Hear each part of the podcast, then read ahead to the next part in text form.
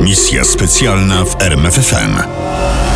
Schwarze Kapelle, czyli jak Niemcy chcieli pozbyć się Hitlera. Admirał Wilhelm Canaris nie był zwolennikiem demokracji.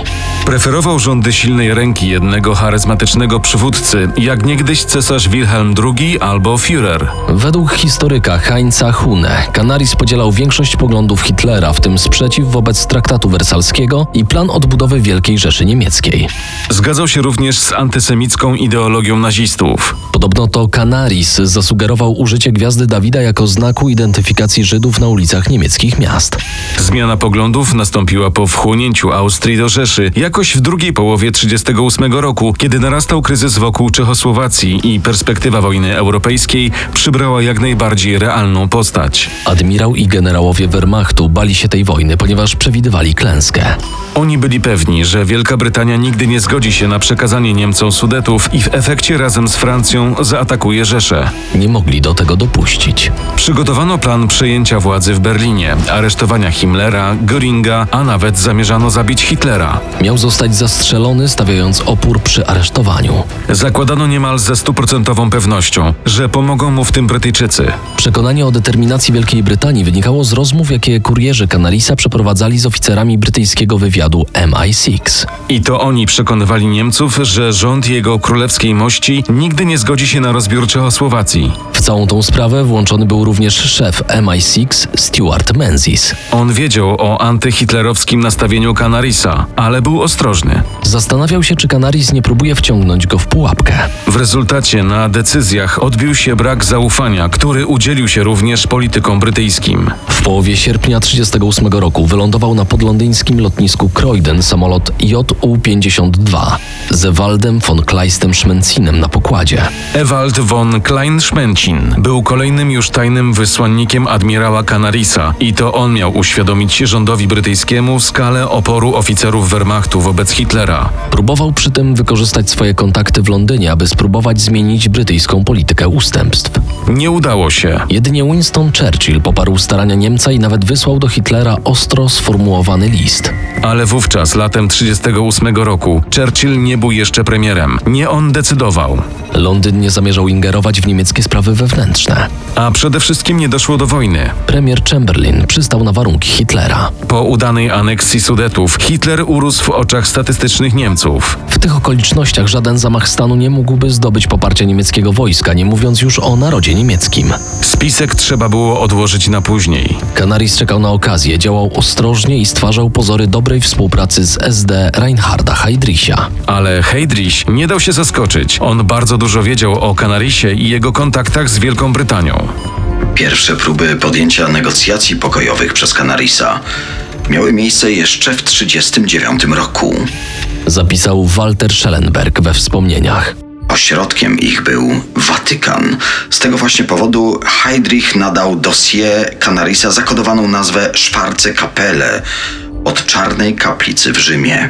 Reinhard Heydrich dobrze orientował się w sojusznikach admirała. Oprócz wysokich oficerów Abwehry byli to również generałowie z naczelnego dowództwa Wehrmachtu. Czyli ludzie, którzy mieli posłuch wśród oficerów i żołnierzy. Z ponad 20 generałów i polityków przypomnimy nazwiska tylko niektórych. Szef Abwehry, admirał Wilhelm Canris i jego zastępca generał Hans Oster. Szefowie sztabu Oberkommando der Heeres generałowie Ludwig Beck i Franz Halder. Ernst von Weizsäcker z Ministerstwa Spraw Zagranicznych. Ambasador Rzeszy w Rzymie, wicekonsul w Curychu, zaufany człowiek Canarisa Hans Gisevius. I wielu, wielu innych generałów sławionych zwycięstwami Wehrmachtu w Polsce, we Francji i pierwszym etapie wojny radzieckiej. A także stara arystokracja, poza pewnymi wyjątkami raczej niechętna Hitlerowi, jak na przykład Helmut Graf von Moltke, prawnuk bohatera wojny francusko-pruskiej 1870 roku. Ci ludzie potrafiliby porwać tysiące, gdyby tylko odważyli się wypowiedzieć Hitlerowi posłuszeństwo. Ale oni bali się Firera. Potrzebowali pomocy z zewnątrz, wciąż oglądali się na Wielką Brytanię, mimo że już raz się na niej zawiedli. Tymczasem, jak pisał brytyjski historyk Max Hastings, Ministerstwo Spraw Zagranicznych wielokrotnie odtrącało oferty przedstawione przez anglofilskich członków niemieckiego ruchu oporu. Dlaczego? Jeszcze przed wojną i w pierwszej jej fazie mało kto w Londynie wierzył, że niemieccy opozycjoniści nie tylko są w stanie obalić Hitlera, ale że w ogóle istnieją. Uznawano ich za prowokację gestapo, na co zapewne miał wpływ incydent w holenderskim miasteczku Venlo. O co chodziło? Otóż przez kilka tygodni oficerowie MI6 prowadzili tajne pertraktacje z przedstawicielami opozycji niemieckiej. W listopadzie 1939 roku na ostatnim spotkaniu właśnie w Venlo opozycjoniści okazali się oficerami kontrwywiadu SD. Anglików porwano i wywieziono do Rzeszy. Nie można się więc dziwić, że zaufanie do Niemców zostało mocno nadszarpnięte. Tymczasem Schellenberg pisał: Okazało się, że ambasador brytyjski przy Watykanie zapewnił ustnie papieża, że jego rząd zgodziłby się na pokój, gdyby nastąpiła zmiana rządu w Niemczech. To był pierwszy warunek. Drugim była gwarancja odwołania ofensywy na zachodzie. Zakładano przy tym, Pisał dalej Schellenberg. że Austria i terytoria sudeckie pozostaną przy Rzeszy, jeżeli rząd francuski wyrazi na to zgodę. Zanim doszło do jakichkolwiek rozmów, przyszedł 10 maja 40 roku. Ofensywa niemiecka ruszyła i zakończyła się szybkim zwycięstwem Niemców. Po spektakularnym sukcesie inwazji na Francję, niemiecka opinia publiczna wręcz oczarowana była Führerem. Mimo to Schwarzkapelle kontynuowała wysiłki mające na celu obalenie Hitlera i dążenie do wynegocjowania pokoju. Istniały jednak problemy, którym nie można było zaradzić. Spiskowcy nigdy nie byli pewni, czy Niemcy będą sprawiedliwie traktowane przez Wielką Brytanię. Decydując się na negocjacje, ryzykowali kariery, honor, a nawet życie. Nie zawsze mogli działać otwarcie. Canaris był mistrzem dwuznaczności. Zauważył krytyczny Hastings. Zdaniem współczesnych odzwierciedlało to głębie jego charakteru. Bardziej jednak prawdopodobne, że maskowało notoryczne niezdecydowanie. Czy dlatego wyręczał się zaufanymi ludźmi, na przykład Hansem Gizewiusem? Gizewius, prawnik i eks-gestapowiec, z czym się nie obnosił, trafił do Abwery w 1938 roku. Admirał Canaris nie trzymał go jednak przy sobie. W Berlinie tylko wysłał do Curichu w charakterze wicekonsula z delikatną misją do wykonania. Gizewius był częstym gościem w ambasadzie amerykańskiej. Tam spotykał się z samym szefem szwajcarskiego oddziału OSS, Alanem Dulesem. Podobno Gisevius miał dostarczyć Dalesowi nazwiska przeciwników Hitlera, których widział na ministerialnych stanowiskach w przyszłym nienazistowskim rządzie niemieckim. Dules wysłał ją do Waszyngtonu. Był styczeń 1943 roku. W depeszy pisał: Mam wrażenie, że to jest właściwa chwila, by energicznie zadziałać w celu oddzielenia nazistów i Hitlera od pozostałej części niemieckiego narodu, a równocześnie dać temu narodowi nadzieję, że ich kapitulacja nie musi oznaczać zniszczenie państwa. A jednak, mimo depesz Dulesa, Roosevelt ogłosił na konferencji w Casablance w styczniu 1943 roku, że alianci zaakceptują tylko bezwarunkową kapitulację. Premier Churchill zgodził się na ten warunek, ale zdawał sobie sprawę z faktu, że teraz Wehrmacht będzie walczył do ostatniego żołnierza. Natomiast uparty Dules nie rezygnował. 3 sierpnia 1943 roku pisał do Waszyngtonu. W Niemczech może się zdarzyć wszystko. Jeśli nie przestaniemy naciskać, najprawdopodobniej przed końcem roku Hitler straci władzę. Jakiś czas później odezwał się znowu. Tylko niemiecka armia ma możliwość usunięcia Hitlera.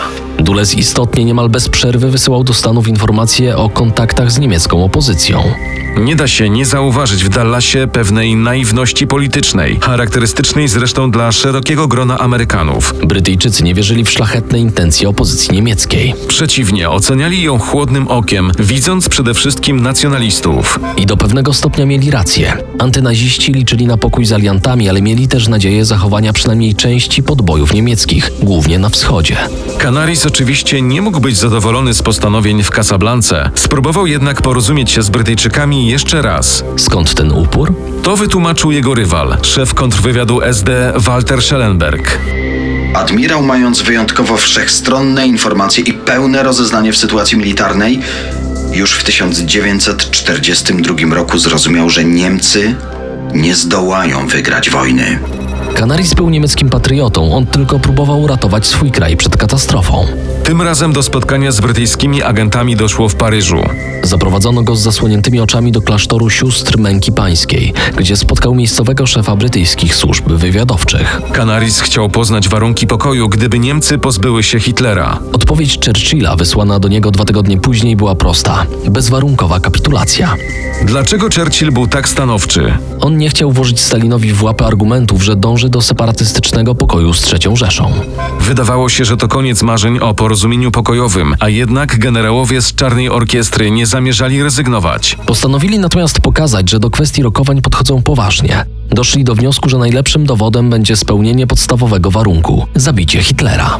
13 marca 1943 roku pułkownik Henning von Treskow polecił swojemu adiutantowi umieścić bombę zegarową na pokładzie samolotu, którym Hitler wracał z okupowanej Rosji. Bomba nie wybuchła. 20 lipca 1944 roku pułkownik Klaus von Stauffenberg podłożył bombę w baraku Wilczego Szańca. Hitler ocalał. I zaczął się mścić. Gestapo aresztowało oficerów Schwarze Kapelle i wielu, wielu innych, którzy, jak sądzili, byli zamieszani w zamach lub sympatyzowali z opozycją.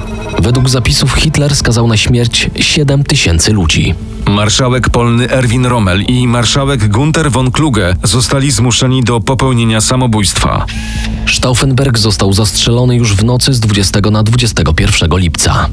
Większość spiskowców stanęła przed sądem ludowym. Wielu zostało straconych następnego dnia. Powieszono ich na hakach w więzieniu Plocenze. Dowodów na to, że Kanaris prowadził podwójną grę było coraz więcej i pod naciskiem Heinricha Himmlera Hitler zwolnił Canarisa i zlikwidował Abwehrę już w lutym 1944 roku. Lecz admirał Canaris i jego zastępca Hans Oster stanęli przed sądem dopiero w lutym 1945 roku. Stracono ich 9 kwietnia 1945 roku, kiedy klęska Niemiec była już przesądzona. Hans Gisevius przeżył wojnę i zeznawał w procesie norymberskim. Przede wszystkim mówił o Kanariusie i ludziach, którzy chcieli pozbyć się Hitlera. Tak narodziła się legenda admirała antynazisty. Ale można znaleźć również mniej pochlebne opinie o Kanarisie. Szef Abwehry, admirał Wilhelm Canaris, którego po wojnie przez dziesięciolecia uważano za ważną osobistość, a nawet za bohatera ruchu oporu przeciwko Hitlerowi, był w rzeczywistości kunktatorem pozbawionym zarówno odwagi cywilnej, żeby przeciwstawić się nazistom, którymi pogardzał, jak i umiejętności kierowania w ich interesie skuteczną służbą wywiadowczą. Pisał Hastings. Ale czy ta krytyczna ocena jest sprawiedliwa? A może winą za niezdecydowanie admirała i porażkę Szwarce Kapelle należy obarczyć również kunktatorskich polityków z Londynu. Bo gdyby Winston Churchill był premierem w 1938 roku, to kto wie, czy historia Europy nie potoczyłaby się inaczej. Misja specjalna w RMFFM. Na tropie największych tajemnic historii.